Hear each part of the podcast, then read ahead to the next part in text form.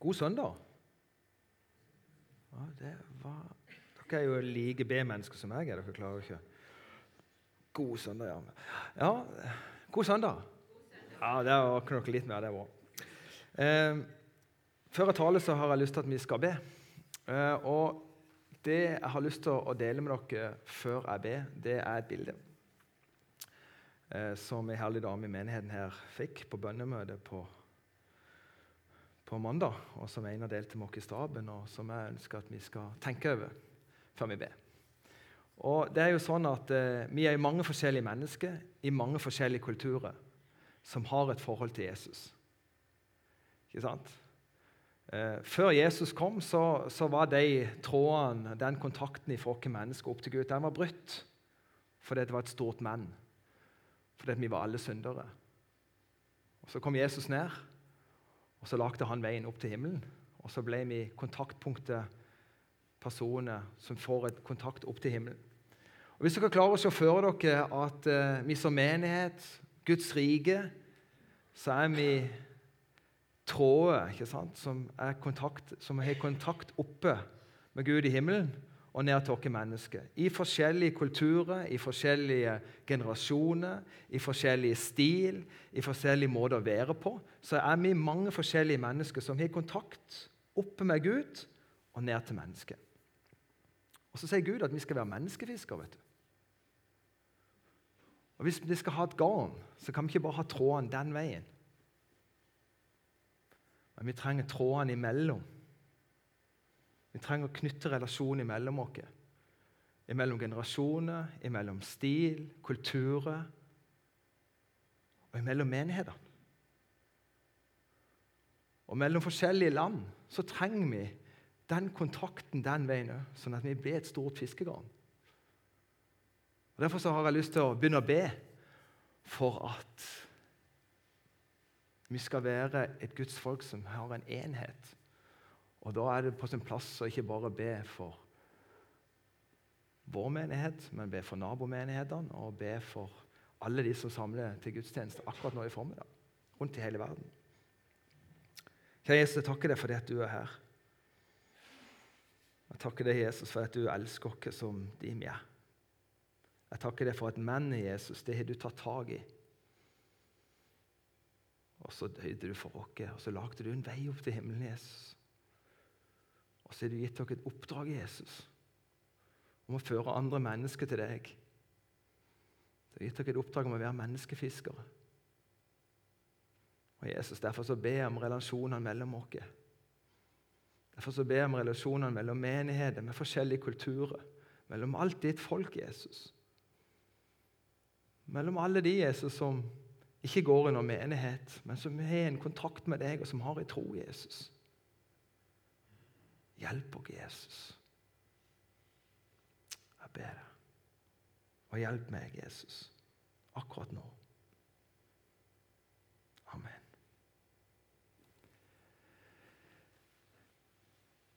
Temaet i dag er vilje til forandring. Og så har jeg lagt på en sånn ekstra en og vilje til forandring på tvers av kultur og stil. Og det er jo sånn at eh, vi har jo et taletema denne, som er hovedparolen denne måneden, om raushet, som ligger i toppen. Raushet til å ha vilje til å forandre oss. Og Da skal jeg lese et kultursjokk i, Bibelen, og det er det mange av. Jesus han lagde mange kultursjokk. Jeg skal lese fra Lukas kapittel 7 og fra vers 36. En av fariserene innbød Jesus til å spise hos seg. Han gikk inn i fariseerens hus og tok plass ved bordet. Nå var det en kvinne der i byen som levde et syndfullt liv. Da hun fikk vite at Jesus lå til bords i fariseerens hus, kom hun dit med en alabastkrukke med fin salve.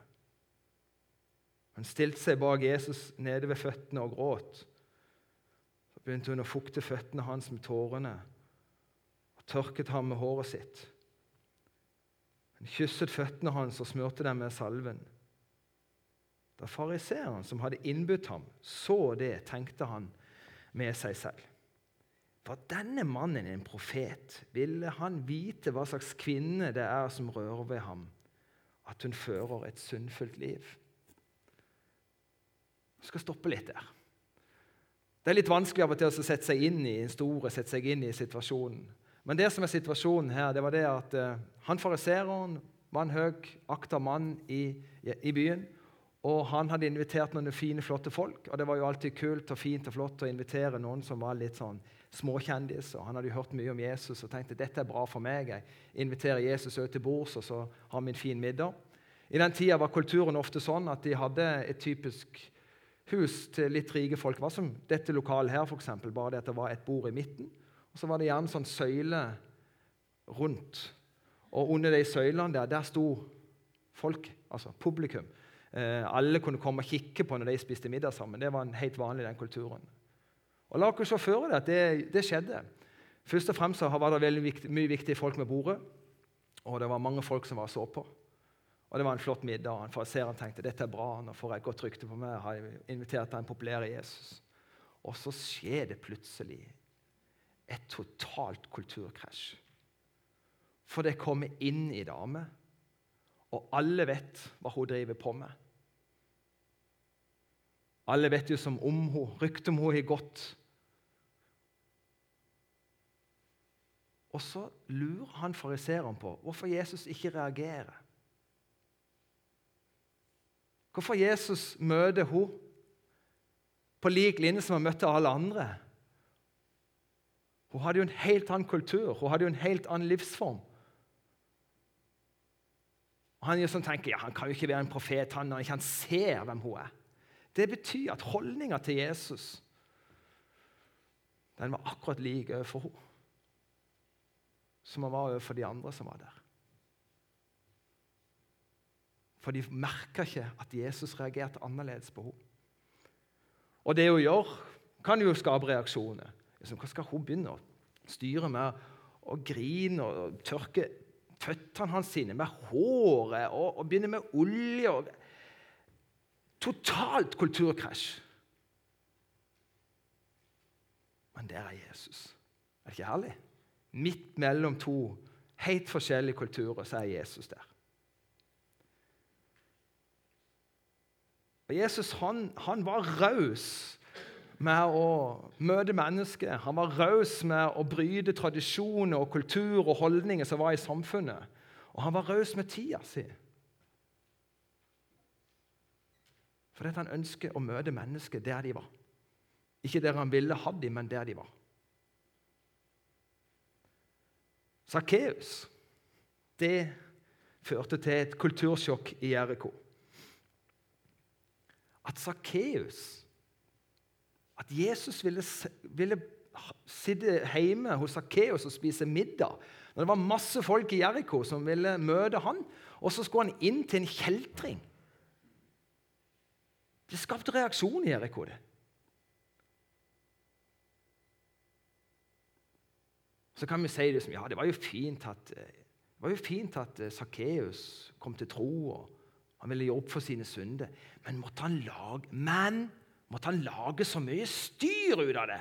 Måtte han liksom klatre opp i tre og greier og greier? Kunne han ikke bare tatt det sånn fint og rolig? Det mennene kom ofte. Jesus møtte kvinner i brann. Han brøt kulturforskjeller. Han snakka alene med ei kvinne som i tillegg hadde dårlig rykte. Og så var hun samaritan, og samaritanene og jødene de hadde jo sine kulturkrasjer.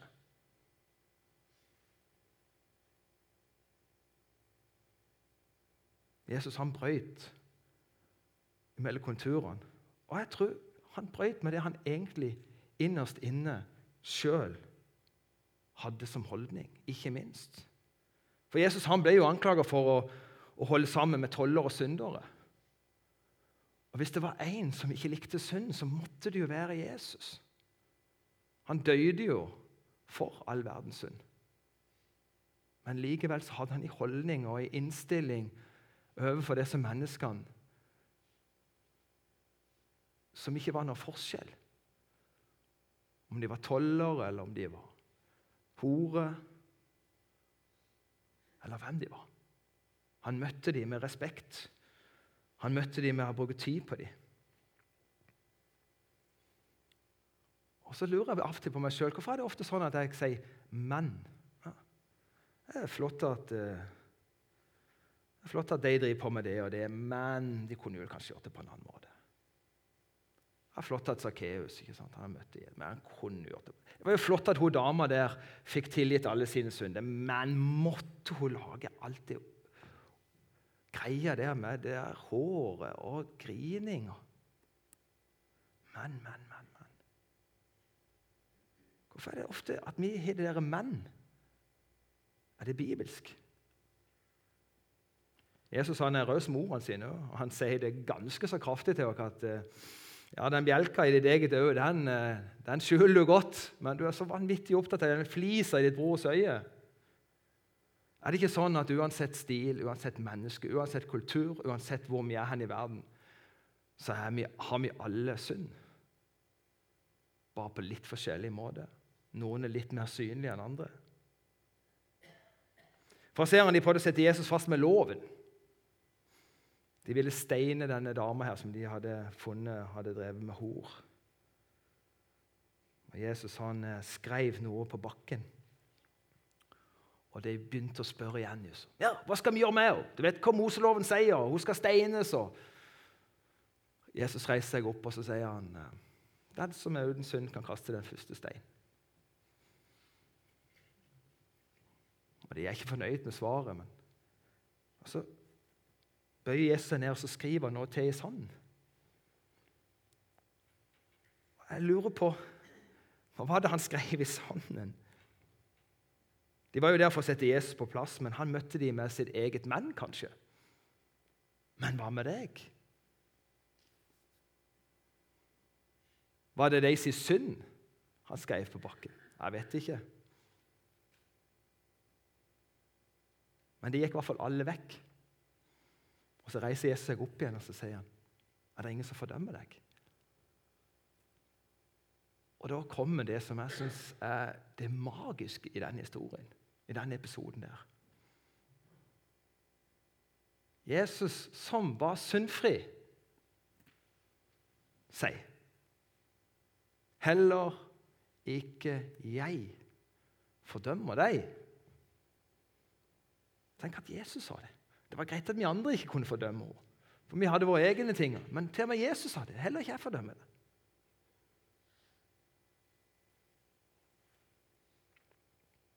Jeg er glad at Jesus ikke møter meg med et men.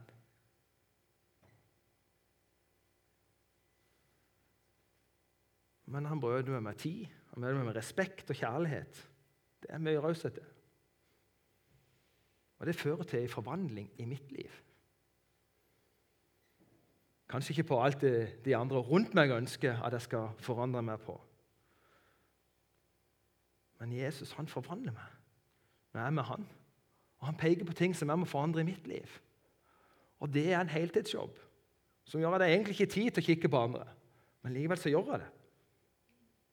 Så jeg er så overbevist om at den forvandlinga som Jesus gjør, og de forandringene jeg ønsker og velger å ta tak i fordi at jeg er med Han, og fordi jeg leser Hans sitt ord,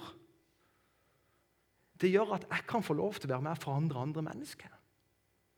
Og føre dem til Jesus som forvandler andre mennesker.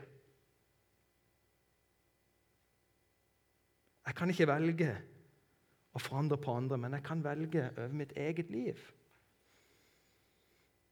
Jeg ønsker ikke å bli møtt med et 'men'. Så bør kanskje det være den første tingen jeg bestemmer meg for å gjøre noe med. At når jeg møter nye mennesker som har en tro på Gud, ifra en annen kultur, på en annen måte, med en annen stil, så møter jeg ikke mitt menn men med respekt og tid til å sette meg inn i akkurat deres situasjon. Sånn som Jesus gjorde med Sakkeus, med kvinner med brønnen.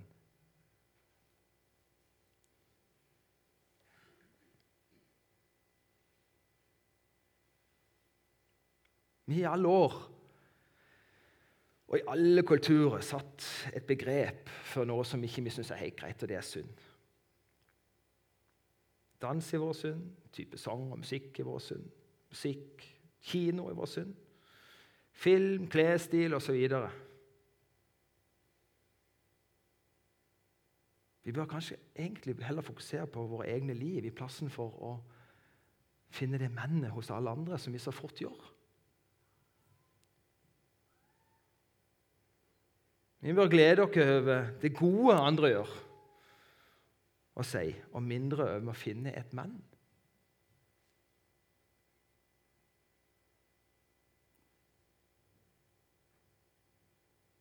Pinsevennene hadde lederkonferanse her i februar i år. Og Annemie hun ville gjerne meg hun skulle ta en romantisk date. Helg. Og det gjorde vi, for så skal vi gå på let. Eh, for da er det en konferanse som du bare kan være. Du må ikke være med og gjøre noe. Eh, og det, det var egentlig veldig godt å bare være.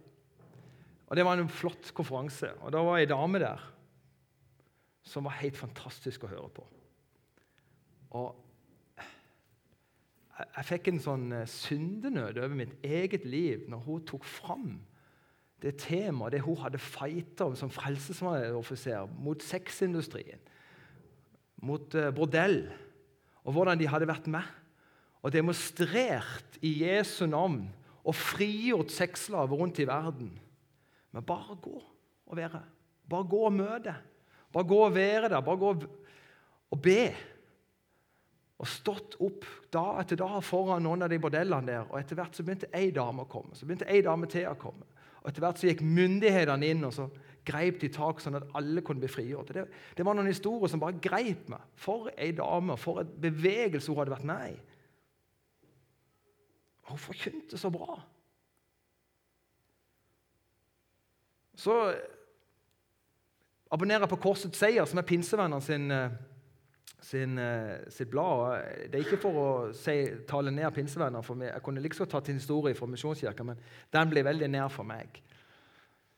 Og så eh, hadde Korsets Seier de pleier alltid å ha sånn portrettintervju med hovedtalerne i lederkonferansen. Og så kom de inn på noen tema, så hadde de hørt litt at hun hadde drevet litt med yoga. Og så ble liksom det liksom blåst litt opp. Og så ble liksom det snakka litt om i det stykket der. Og så ser jeg liksom bladet blad uka etterpå. Der er på en måte alt det gode, forkynnelsen hos alt det bra hun sto for. Og for all del, Jeg, ikke, jeg står ikke her og forsvarer yoga. Jeg vet veldig lite om det. Jeg burde sette meg inn i det, jeg burde gitt dere et ordentlig svar på det, men det er ikke det som er poenget mitt. Poenget mitt er det at Ettermælet etter henne og det hun var og forkynte, ble det store. Men Men hun drev med yoga. Men hun drev med yoga. Jeg står her og forkynner. Det er mange menn i mitt liv òg. Jeg er glad for at Jesus er en raus mann som holder det skjult mellom meg og han. Jeg er ikke inne for å legalisere noe, men jeg er inne på at vi av og til bør kanskje kikke litt mer på det bra vi gjør, og litt mindre på det ikke vi liker eller mener. eller.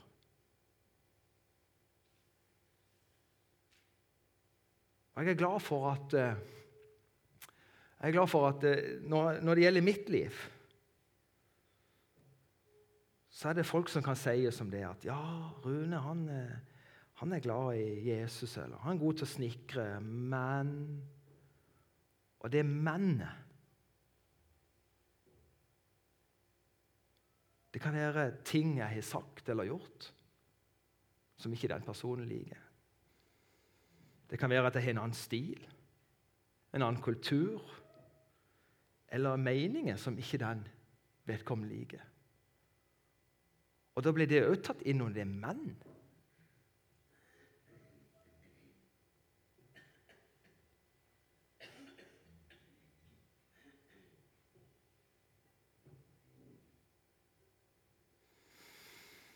Er vi villige til å forandre på våre holdninger og forhåndsdømming? Er vi villige til å forandre på det? Er vi villige til å møte mennesker og legge vekk våre egne meninger, den kulturen vi er vant med, det vi er oppvokst med, eller det som er rundt oss, for å se de andre på samme måte som Jesus gjør? Jeg skal ta dere inn i noen sånne Jeg skal provosere dere litt. Ta naturvern. Jeg har vært på mange kristne festivaler og stevner.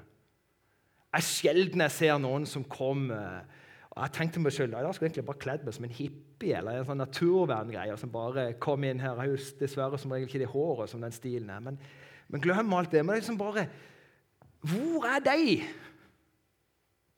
i våre menigheter? Har vi skjøvet den kulturen vekk? Har mye som sier det er ikke så viktig, det er mye viktig for det evige liv enn å være redde kloden. Hva er det holdningen vi, hva er det, vi, hva er det som, hva er det som gjør at ikke vi ikke møtte deg? Og Jeg skal ta dere med, som også berører dere inn på ungdomskulturen. På hva, hva, hva, var det som skjedde, hva det som skjedde her for en fredag siden? Skulking og naturverndemonstrasjon. Jeg fikk eh, beskjeden hjemme av min egen gutt som sier som Ja, pappa, eh, kan jeg skulke for å gå og demonstrere mot naturvern? Og, jeg som far prøver å være pedagogisk flink og god og sier som ja, men hva er det du egentlig, hva som er hovedmotivasjonen din? Er det å demonstrere for naturvern, eller er det for å få fridd partiet på skolen? Og så var han ikke helt sikker på om han kunne svare på det, så jeg, men det må du velge sjøl. Men det er egentlig skulle ønske. Jeg håper ikke min sønn hører det, men det kan jo være. Men jeg står for det. Det jeg egentlig ønsker, når jeg tar meg tid til å sette meg ned i hvorfor dette skjedde Har dere gjort det? Vet dere hvorfor dette skjedde? Men når jeg satt meg ned i respekt og åpne mine fordommer og finne ut hvorfor dette begynte, så skulle jeg ønske at min gutt ikke hadde spurt meg om å skulke skolen, men hadde stått framoverst i det demonstrasjonstoget i Fossen og sagt det fins ingen planet B. Vi har bare denne. Og nå skal dere høre godt etter. Jeg skal lese litt om ei dame her. Ei ung dame på 15 år. Og så er det jo så rart vet du, at vi, vi klager over når ungene våre, ungdommene er passive, og vi klager når de bare sitter og gamer. Så når de plutselig gjør noe ah, men eh, må dere gjøre det sånn? Hør her. Dette er ei klok dame som var bare 15 år, og er fra Sverige.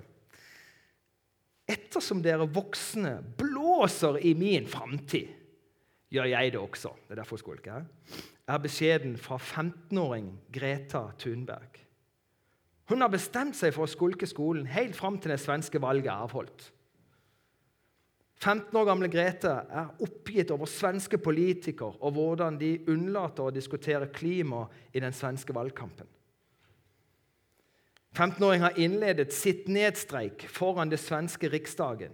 Hun er så misfornøyd med oppmerksomheten som klimaspørsmålene har fått i den svenske valgkampen, at hun har besluttet å sitte, under, sitte utenfor Riksdagen helt fram til valgdagen 9.9. Hør her. Skolestreik er for klima, står det på, plakaten hun har satt foran seg. Hør, hør nå, dette er bra, vet du.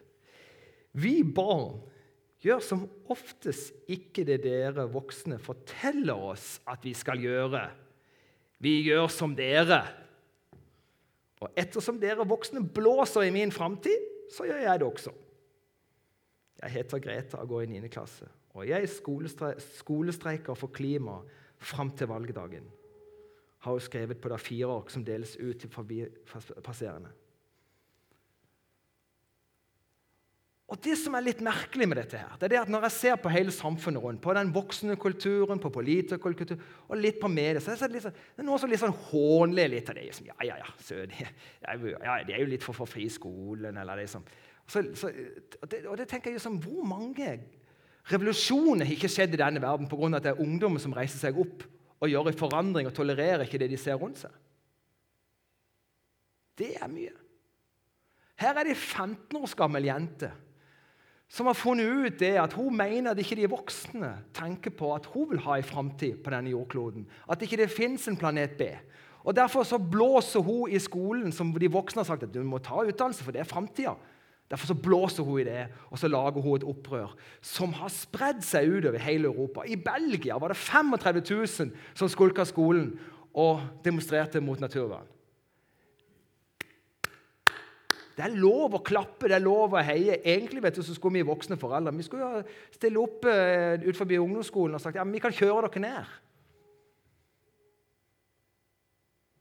Vi kunne avspasert et par timer på jobb og sagt dette er så bra.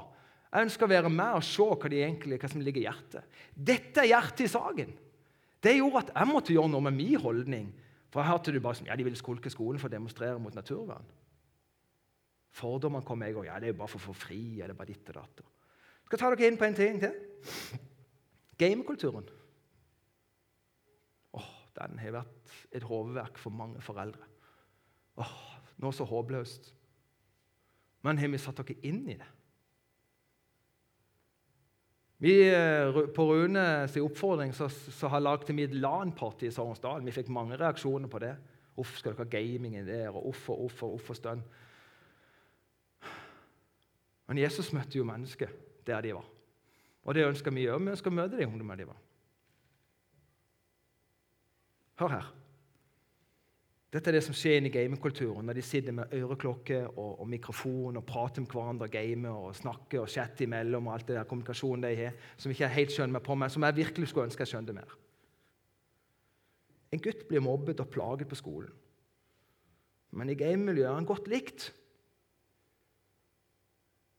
En gutt sliter med noen han ikke klarer å snakke med andre om, men han har møtt en gjennom gaming som han kan snakke med. Så forstår han for han sliter òg. De to snakker mer enn de gamer. De trøster hverandre.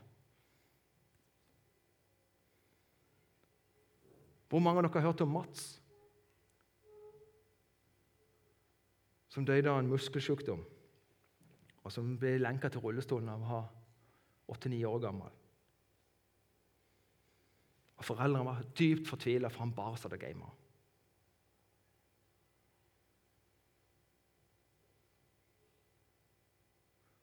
Han ble begrava, og de trodde ikke at han, han, hadde noen venner. Men plutselig i den begravelsen så dukket det opp venner fra hele verden. For han hadde en venneflokk i gamemiljøet. Ingen hadde gidd og tid til å være med han, for han satt i rullestol. Han ble mobba, han ble oversett, og foreldrene var fortvila. Og de var så fortvila over han gama så mye. Så sier faren her I ettertid tenker jeg at vi burde interessert oss mer for den spilleverden han var så mye i. At vi ikke gjorde det, frarøvet oss en mulighet vi ikke forsto vi hadde. Så skal jeg lese litt om ei som heter Lisette. Det var ei som traff han Mats her i denne spilleverden. Og, et, og De to fikk et veldig veldig nært vennskap. Hør her. Lisette var bare 15 år da hun møtte den ett år eldre Mats. Eller for å være presis det var Lisettes spillekarakter Rumor som møtte Mats' spillekarakter Ibelin. Lisette fortsetter. Vi møttes i Goldshare. Nå er ikke Goldshare et bra sted, men en gang var Goldshare en hyggelig landsby. Altså, nå er vi inne i spilleverdenen. Er dere med? Hvor, hun ikke, hvor, hvor du kunne støte på nye, interessante karakterer. Jeg var på jakt etter noen å rollespille med, og ved et bål satt det noen. Blant andre ham jeg senere skulle lære å kjenne som Ibelin, altså Mats. Jeg, eller Rumor, da, handlet litt impulsivt, hoppet ut fra buskene, nappet hatten av Ibelin, sto stille et øyeblikk. Vi så på hverandre så løp jeg av gårde med hatten hans, uten tanke på hvor jeg løp, sier Lisette og smiler. Her opplever Mats, siden sin rullestol, at inni den spilleverdenen så opplever han en ungdomsflørt, en tenåringsflørt. At jeg kommer og nipper hatten og, og, og skal ha han til å løpe etter. Og så hør videre. Dette første møtet skrev også Mats om i et blogginnlegg han kalte 'Love'. Hør dette her. Dette er Mats som skriver, det, skriver det her på bloggen. I denne andre verden ser ikke denne jenta en rullestol eller noe som er annerledes. Det hun ser, er min sjel, mitt hjerte, min personlighet, beleilig plassert i en kjekk, sterk kropp. I denne virtuelle verden ser heldigvis hver eneste karakter godt ut. Og så sier Lisette Mats var en god venn, av og til svært nær, forteller Lisette. Vi skrev om alt, men han delte ikke med meg at han var syk. Jeg trodde livet hans lignet mitt. Vi var f.eks. begge enige om at vi avskydde skolen. To mobbeofre her som møttes i denne verden. Men noe var Mats og Lisette ikke enige om. Han skrev at han hatet snø. Jeg skrev at jeg elsket snø. Jeg forsto ikke da at han hatet snø fordi han satt i rullestol. Jeg visste ikke om denne rullestolen. I mange generasjoner og i mange kulturer så har, ungdommen på en måte gått sine egne veier. og De voksne har vært de som, som, ikke skjønner det ikke, og rister litt på hodet. Sånn har det vært i mange mange år. I mange mange generasjoner. Og Nå er det 30 år siden jeg var jo som tenåring og ble litt opprørt. at ikke liksom, I plassen for å, å, få en forståelse for tid og aksept, så ble det ofte en kritikk mot det jeg holdt på med. det de vi drev på med. Og Nå står jeg i den klemma sjøl, 30 år etterpå, som tenåringspappa. Hvordan forstår jeg? Hvordan setter jeg meg inn i kulturen deres? Hvordan er min vilje til å forandre på mine holdninger for å se de menneskene og bruke tid med dem og sette dere inn i deres situasjon? Og Det er ikke bare noe jeg ønsker å gjøre som tenåringspappa, det er noe jeg ønsker å gjøre som pastor. Det er noe jeg ønsker at vi som menighet skal gjøre. For det at vi trenger å møte den kulturen. Vi trenger å knytte de båndene imellom de forskjellige generasjonene, de forskjellige kulturene som fins, sånn at vi kan bli et komplett garn. Og Helt til slutt skal vi kjøre en video.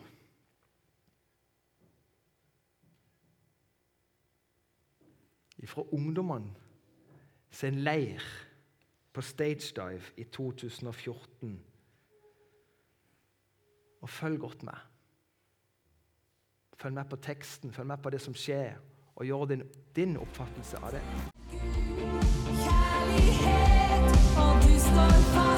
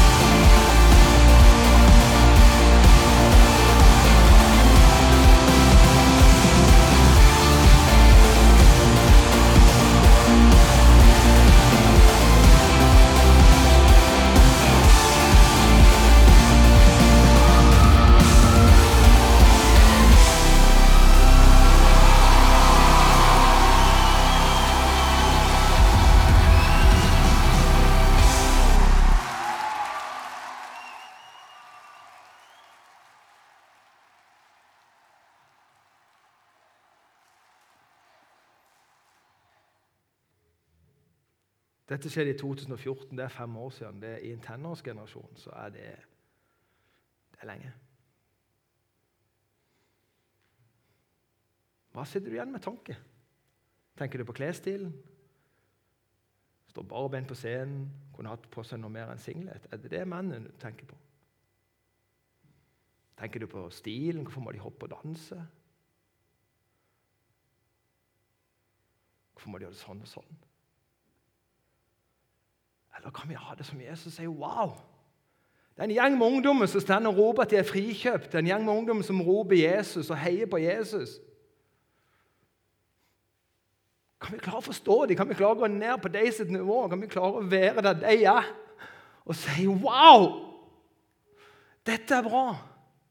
Kan vi legge vekk våre egne fordommer? Kan vi legge vekk våre egne menn i møte med alle de forskjellige kulturene? Gaming, naturvern, ungdomsopprør. Klarer vi å møte dem sånn som Jesus møter dem? Det er min bønn.